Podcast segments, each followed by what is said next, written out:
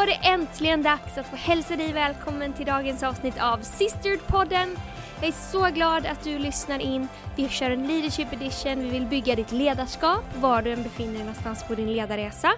Och idag så är det lite högt och lågt, lite blandad kompott i våran podd. Jag spelar in tillsammans med eh, Vanessa Moreno, Jennifer Palm, Mikaela Blåberg och Fanny Andersson och det här är vänner till mig och eh, kollegor till mig. Vi jobbar tillsammans varje dag men eh, vi tänkte att vi skulle ha lite kul i dagens samtal. Det kan vi behöva när det är höst, eller hur? Så här är lite högt och lågt.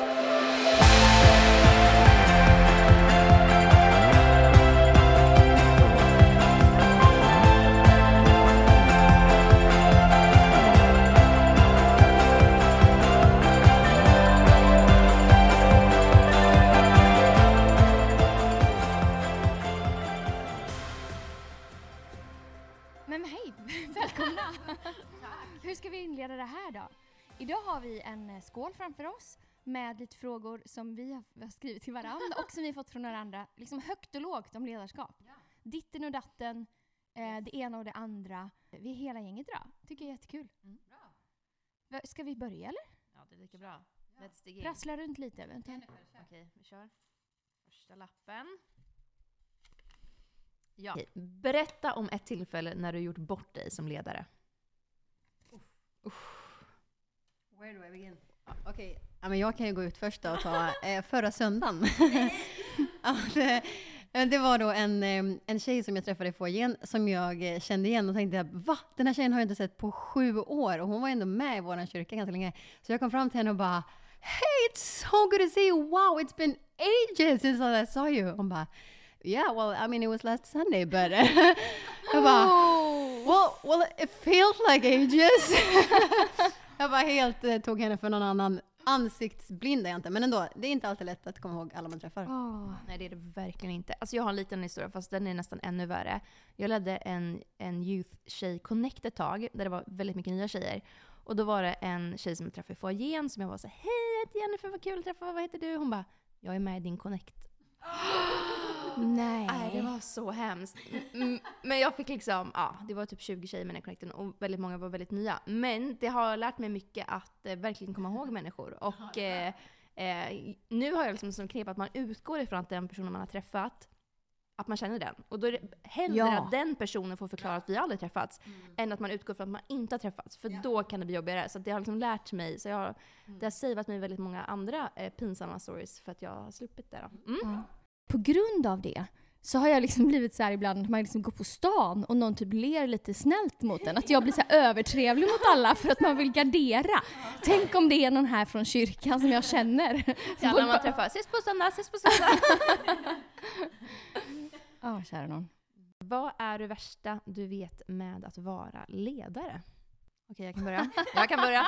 Nej, men jag skulle säga att det värsta med att vara ledare är, tycker jag då, är att eh, inte kunna släppa helt och fullt det man leder. Att man aldrig helt kan bara släppa det. För att man bär alltid på ett ansvar, på en börda, på ett...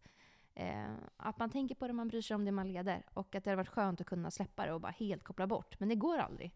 Och det är ju ett pris man får ta när man leder. Att det är en börda som man alltid bär. Så det, om man hade fått slippa någonting, då hade det varit det. Kunna bara helt koppla bort ibland. Det första jag tänkte på var nog att känna att man inte räcker till.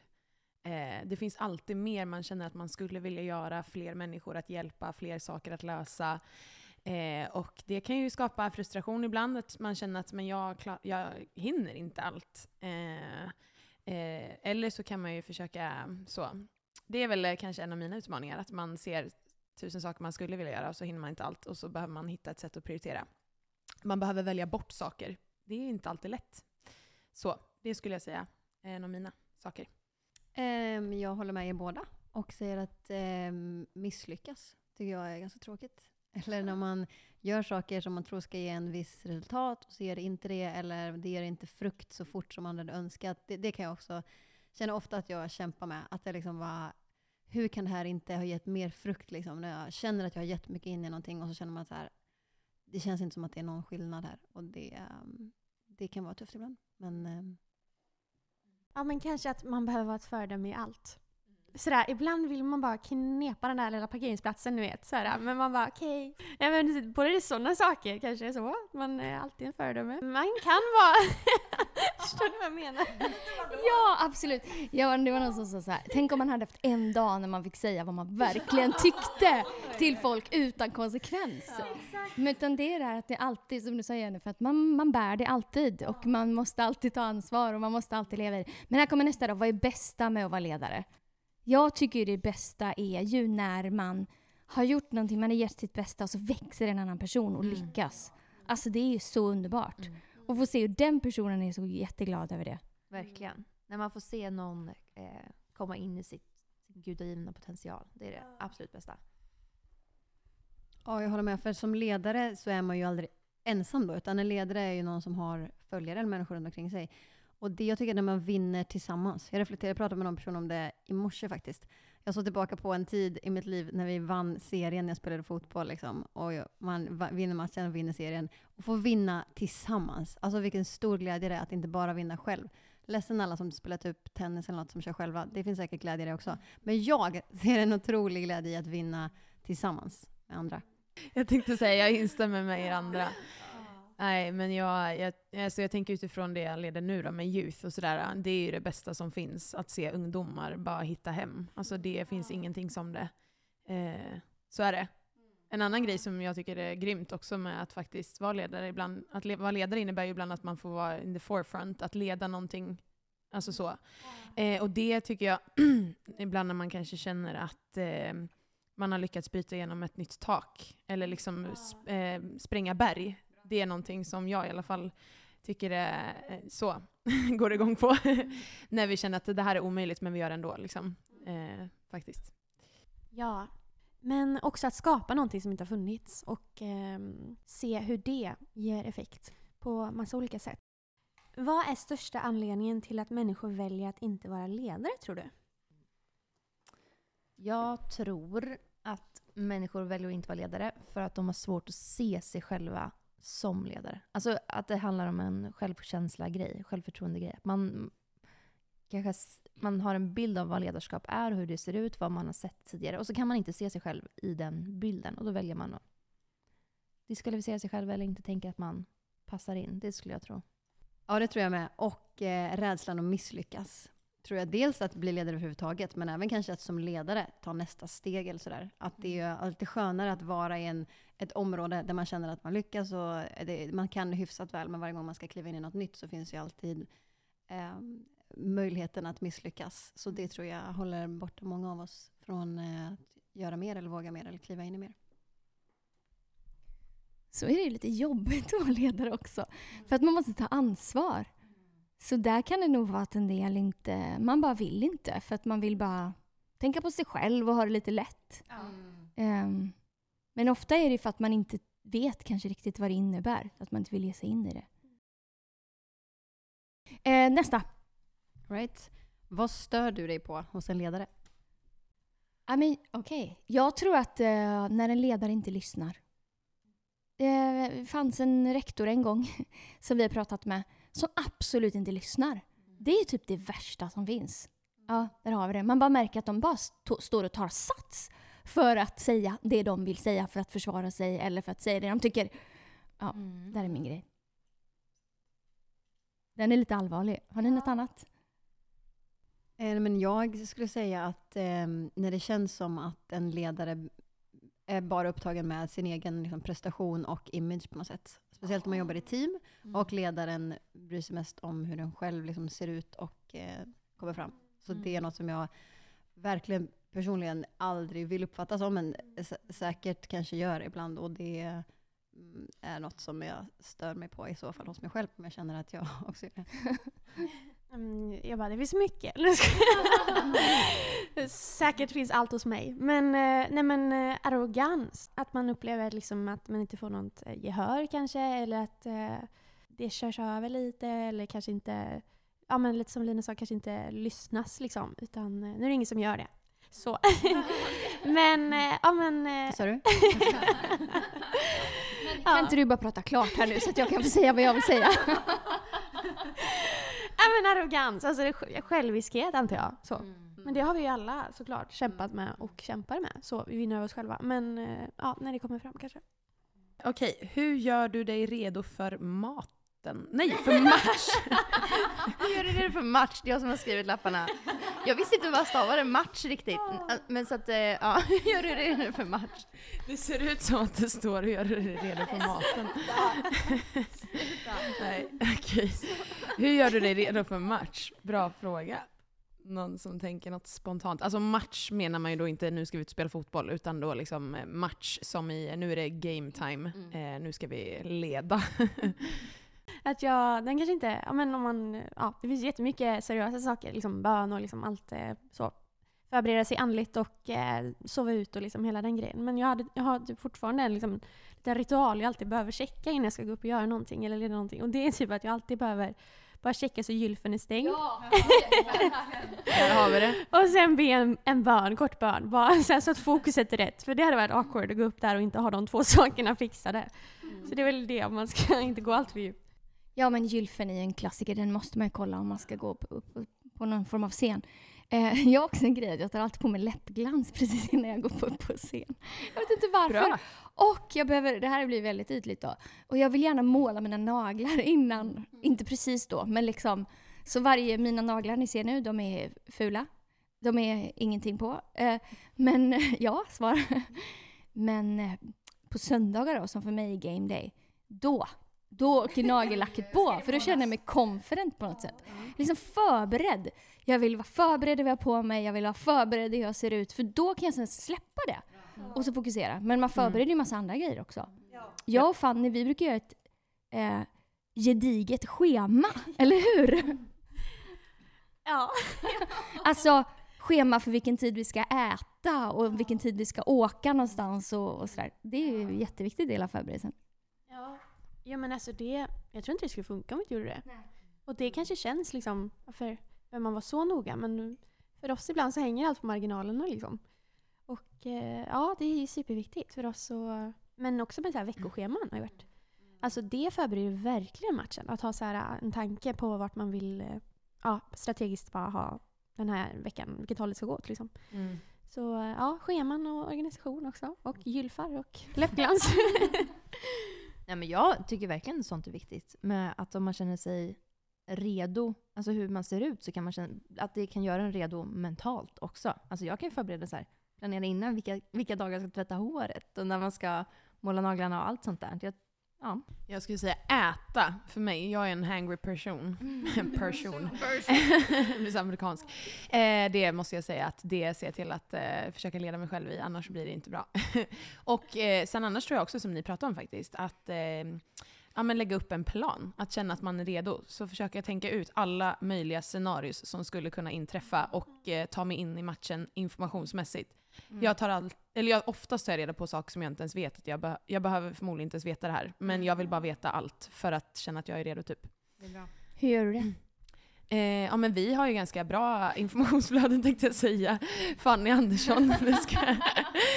Fråga Fanny alla frågor. Nej jag ska. Nej men eh, vi har ju massa olika sätt. Det skickas ut information i veckorna, overviews, liksom överblickar på söndagar eller inför möten. Ställer mycket frågor till olika personer som jag vet har gjort det längre än vad jag har gjort det. Bara, vad brukar du tänka på? Vad brukar du se?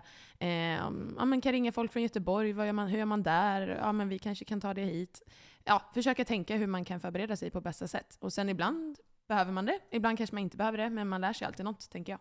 Okej, nästa fråga då. Om du hade en extra dag i veckan, vad skulle du använda den till? Ja, jag ska studera. Alltså jag ska typ så här lära mig saker. Det är jag för lite. Tråkigt, jag vet, men jag är en Ja, person som tycker alltså- om det. Jag tänkte på det när vi skrev den här frågan. Jag önskar att jag hade sagt då, den dagen hade jag bara suttit och läst böcker. Men jag tror att det alltså, den dagen hade blivit lite som alla andra dagar. Alltså när man får extra tid, gör man verkligen det man tänker att man ska göra? Jag önskar det, att jag hade suttit och läst. Men det hade kanske blivit att man tog ikapp saker man inte hade gjort. Jag vet inte, men jag, ja.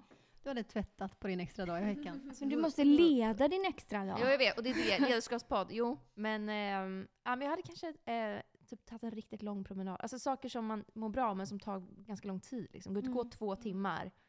Det hade jag gjort. Och tvättat. Jag hade nog eh, eh, träffat folk tror jag. Eh, ja men eh, det känner jag att det vill man ju alltid göra, tänkte jag säga.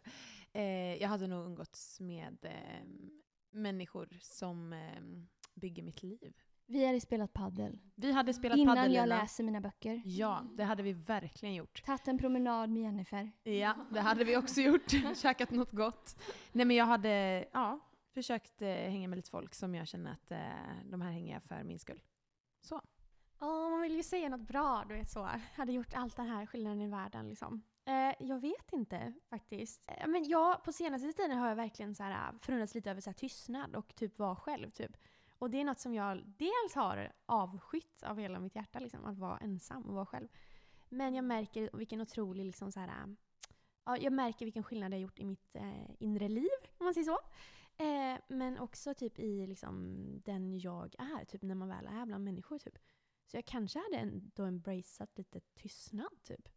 Så. Men sen så hade jag fått eh, velat gå därifrån. För jag tycker inte om det egentligen, men det hade varit en jättebra övning just nu i den här säsongen. Okej, om jag hade från och med nu liksom fått en åttonde dag i veckan, då hade jag nog faktiskt försökt mig på att få till sabbaten. Alltså som den är tänkt att vara. Du får liksom inte vara produktiv på sabbaten. Det är liksom mycket där du utgår från. Du får inte laga mat, du får inte tvätta, du får inte städa, du får inte jobba. Och bara liksom se vad som faktiskt händer. Det är ändå ett tio budord som jag tyvärr inte lever efter. Jag önskar att jag gjorde det mer. Men jag vet, i vår värld så är det, är det vad det är. Liksom. Men det hade varit coolt ändå. Att ge det, tänker jag, typ ett halvår med en dag i veckan som verkligen är sabbaten som, som judarna lever den. Det hade varit coolt att se faktiskt vad det gjorde med mitt liv. Jag tror att jag hade mått mycket, mycket, mycket bättre de andra dagarna också. Ja, väldigt bra. Och det, men det är ju det här, vi kommer aldrig få en extra dag. Så allt det vi har sagt nu, det är det vi ska försöka göra tid för och leda oss själva till att få tid för på våra sju dagar. Så det är det den här frågan går ut på. Ja, det är bra. Yes! Vi alla ska äta middag och få ta med oss en valfri ledare. Alltså en plus en då. Levande eller död. Vem, vilka bjuder ni med er? Okej, vi ska ha en, en gemensam eh, middag. Just det, så tio personer på middag. Ja. Mm. Okej, men Jesus vid bordet känns ju som en given första pla plats. Jag snodde den, så nu får ni fylla de andra fyra. Ja. Alltså nu går jag bara på min första instinkt. Jätterandom, det finns säkert massa andra personer man hade kunnat välja. Men jag hade faktiskt valt en gammal släkting till mig. Eh, Död eller levande? Död. Mm. Jag har aldrig träffat henne. Ingrid hette hon, levde på 1800-talet. Det här har jag fått återberättat för mig. Då. Hon eh, brukade predika. Jättecoolt. Eh, hennes man var någon så företagsägare och hon brukade preacha på hans företagsmöten. Jag hade bara jättegärna velat höra hur det var att leva på den tiden och eh, att liksom göra ministry på 1800-talet. Ja, jag vill så gärna ha Ingrid vid bordet. Och nu Ja. kommer jag säga en person, men jag väljer inte henne då. För jag vill ha en chans. Men det är min farmor Svea. Hon var också det, hon levde inte på 1800-talet då. Men hon var ju vad som kallas för evangelist innan hon träffade min farfar. De gifte sig ganska sent, så här 50, eller, ja, eller jag vet inte, de fick barn när de var 50 typ. Eh, och då, hon fick inte kallas pastor, så hon, hon var evangelist, så reste runt och liksom just också det där predikade typ på massa ställen och så i Sverige. Och det har varit så coolt att prata med henne och höra hur det var. För så mycket i, det, liksom, i samhället också var det ju så mycket mer att kvinnor inte hördes. Utan då, vad jag har förstått det, så var det ju liksom kyrkan och så som gick före i det. Att liksom kvinnor fick synas och höras eh, och talas om. Så det har varit coolt. Men jag väljer inte Svea, för du har valt Ingrid. Hon ger det perspektivet. Jag, ja, men jag väntar med min dag, får vi se. Ja, men jag kan väl dra till ändå en inbjudan till typ Steve Jobs. Det skulle vara intressant att ha någon, för ni, vi, vi kommer ju ha liksom eh, personer som har gått med Jesus här, så kanske någon ändå som har gjort en markant skillnad på våran värld och eh, liksom sett det som inte syns liksom, och bara vetat vad i framtiden vi behöver och hur det ska se ut. Så det hade ändå varit coolt att pick his brains Ja, lite. Han tänker annorlunda. Ja, verkligen. Hoppas han gör det fortfarande. Mm. I himlen då, tänker du? Ja, just det. Död. Har vi bara... Nej, Jesus dött och uppstod. Ja. Har Steve Jobs dött? Ja! Steve Jobs lever inte längre nu. Men det är ju den ultimata ledarskapskomplimangen. Man lever vidare trots att man är död. Ja, Hallå! Ja, det är väl Vilket life goal! Ja. Då är det inte alltid lätt att veta vem som har dött eller... Nej men jag tänkte också för ett ögonblick att han levde. Ja, för att, För att han lever kvar. vidare. Mm. Mm. Mm. Making an impact. Verkligen. Nej, men det finns ju väldigt många man kan ta med sig. Men jag fascineras ju otroligt mycket och eh, försöker läsa lite om eh, en man som heter Billy Graham. Som är en, eh, en, eh, en gudsman som har eh, talat mycket om Jesus och eh, levt mycket med Jesus. Men även då, eh, liksom det ultimata är ju Moder Teresa. Alltså hon är ju, snacka om att välja att dö, dö, dö, dö och ändå leva ett, ja, kanske mest fyllda livet någonsin liksom. Ehm, hon är ju en otroligt intressant människa. Så någon av dem kanske. Och utifrån den här dynamiken då Lina, vem blir den Ja, femte personen? Precis, jag har ju massa. Det är därför jag försökt vänta till sist för jag ska liksom... Ni kanske kunde tagit någon om jag ville ha med. Så vi har ju Jesus.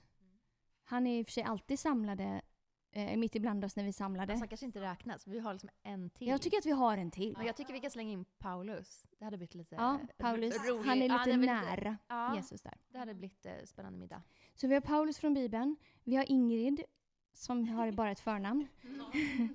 vi har Steve Jobs. Och vi har... Tog du Moder Teresa eller? Ja. Uh, alltså jag skulle tycka det var intressant att prata med Martin Luther King. Skulle ge lite till dynamiken också. Nu blev det ganska många som liksom kämpar för andra människor, men det skulle vara jättekul. Höra hur han tänkte och ehm, hur det var och ja, hur, hur han fortsatte liksom, hur passionen, framförallt kärleken till människor Mm. kunde fortsätta genom allt. Bra middag alltså. Bra middag. Tapas. Otroligt bra. Tapas, ja! Be Paulus fixa det. Nästa fråga då. Berätta om en sak du lärt dig senaste veckan. Ja, men jag lärde mig ehm, ehm, de senaste veckorna, absolut, jag har lärt mig jättemycket. Bland annat så, det är en, någonting som jag gör är att jag predikar ibland. Och där eh, gjorde jag det för ett par veckor sedan och jag lärde mig hur mycket som helst. Jag och Andreas då, som är min chef och min man, pratade om saker som jag kan eh, göra annorlunda och som jag kan lära mig och eh, så. Oftast lär jag mig genom när jag känner, utvärderar mig själv efteråt och bara, ha misslyckas. Som Mikaela sa. Det är inte så kul att misslyckas, men det är ju hur bra som helst. Det första jag tänker på här då, man ska köra en, ens första tanke, jätterandom. Men jag lärde mig eh, ett ord ifrån en bok jag läste här i veckan. Vill ni höra det? Ja, dagens, veckans ord. Veckans ord, jag älskar ju ord. Det är en av mina stora glädjer här i livet. Eh, och ehm, det är ju, pro, alltså providence vet man ju vad det är, liksom förseende eller vad det heter på svenska, oklart. Det kommer ju från ordet providio, som är då på latin. Eh, och eh, betyder helt enkelt att någonting sk- sker före det har hänt. Så när Gud är våran provider så är det att han ger oss någonting innan vi har fått det. Eh, att han förser oss innan vi ens har fått liksom receive it. Och det gav mig en helt revelation kring att Gud är våran provider. Jag bara wow, han förser mig innan jag ens vet att jag behöver det. Det var mäktigt. Mic drop. Ja. Jag lärde mig att, eh, också från en bok som jag läser om arbete. Det känns jätte, man brukar ju läsa böcker om vila och sela och sabbat och liksom allting. Men det jag lärde mig verkligen om att, hur det ligger i vår gudomliga natur. Typ. Och jag har aldrig läst någon liknande bok i hela mitt liv kring arbete. Men även att eh, ja, man, ungefär hur många timmar liksom, som är bra per dag och som är så här hälsosamt att vila. Mm. Och eh, hur Guds tanke... Jag vet inte om jag ska säga det. Om det är lite så här, ja, men det är ungefär, beroende på då ens hälsosamma tillstånd, liksom, men 3,5 timmar per dag max. Vila och göra det du vill, alltså över den tiden. Liksom. Och resten är tanken att en människa mår som allra bäst av att eh, vara i någon form av arbete. Och det gav mig perspektiv. Ofta tänker man ju så här, nu behöver jag bara en hel dag, du vet så här. Men det, det kanske man behöver någon gång. Men tanken, och liksom, enligt forskning så är inte det det mest ultimata för oss som mänskliga varelser. Utan vår tanke är att vi ska göra någonting, skapa något, arbeta. Så det lärde mig. Här har vi en fantastisk fråga. Vilka ögonblick har varit avgörande för dig i ditt ledarskap? Jobbiga eller positiva eller något möte kanske med någon person? Jag har i tidigare avsnitt berättat om ett tillfälle när jag fick en person som profeterade över mig innan jag ens liksom hade uttalat ledarskap. Och där det talades ut då lite över mitt liv bara. Och det är definitivt det mest över, definierade ögonblicket i hela mitt liv faktiskt. För det var då, jag som första gång typ så här, accepterade att jag är kallad till att känna Gud och att vara ledare. Så det skulle jag säga att eh, det var när jag var 15 år. Mest definierande ögonblicket om jag ska välja ett. Jag får nog eh, haka i där lite. Jag kan inte säga ett specifikt tillfälle men när människor som jag har sett upp till i ledarskap har talat liv över mig och sett att de eh, och sagt att de ser någonting i mig. Precis som du sa Mikaela. Jag ser det här i dig, du är awesome, du klarar det här eller liksom specifik uppmuntran. Det har varit avgörande. Jag tror inte att jag hade faktiskt fortsatt annars. Men ma- man märker ju vad viktigt det är, det vi gör då. Jag kommer ihåg en, en kvinna bad för mig på ett läger, var i Tyskland. där hon sa att eh, den som har startat ett gott verk i dig är mäktig att fullborda det. Och det kommer jag tillbaka till väldigt många gånger. Så här att, eh, man är nästan lite berörd typ. Det är starkt ju. Och vet du vad fint? Du sa det till mig en gång för typ en månad sedan när jag verkligen behövde höra det Fanny. Så vad fint att det var ett ord som du har burit med dig och som verkligen talade jättemycket in i min situation där och då. Wow! Låt oss uppmuntra då. Tala ord av livet Ja, enkelt. verkligen. Alltså du skickade ett sms till mig förra veckan Vanessa med ett bibelord. Som verkligen var så här, jag hade haft en tanke på måndagen och sen på tisdagen så svarade du med ett bibelord och vi hade inte ens pratat. Så det kan ju vara definierande ögonblick som fortsätter hända. Tack för det Vanessa.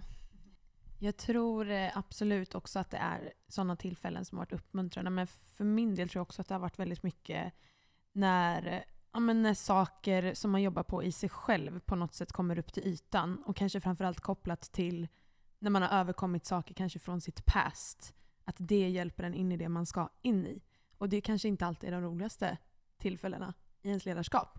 Men det tror jag har varit sjukt definierande. Om man känner att man vill växa och känner att man vill framåt hela tiden så har jag väl några sådana grejer. Eh, men jag vet inte om det är något specifikt moment så.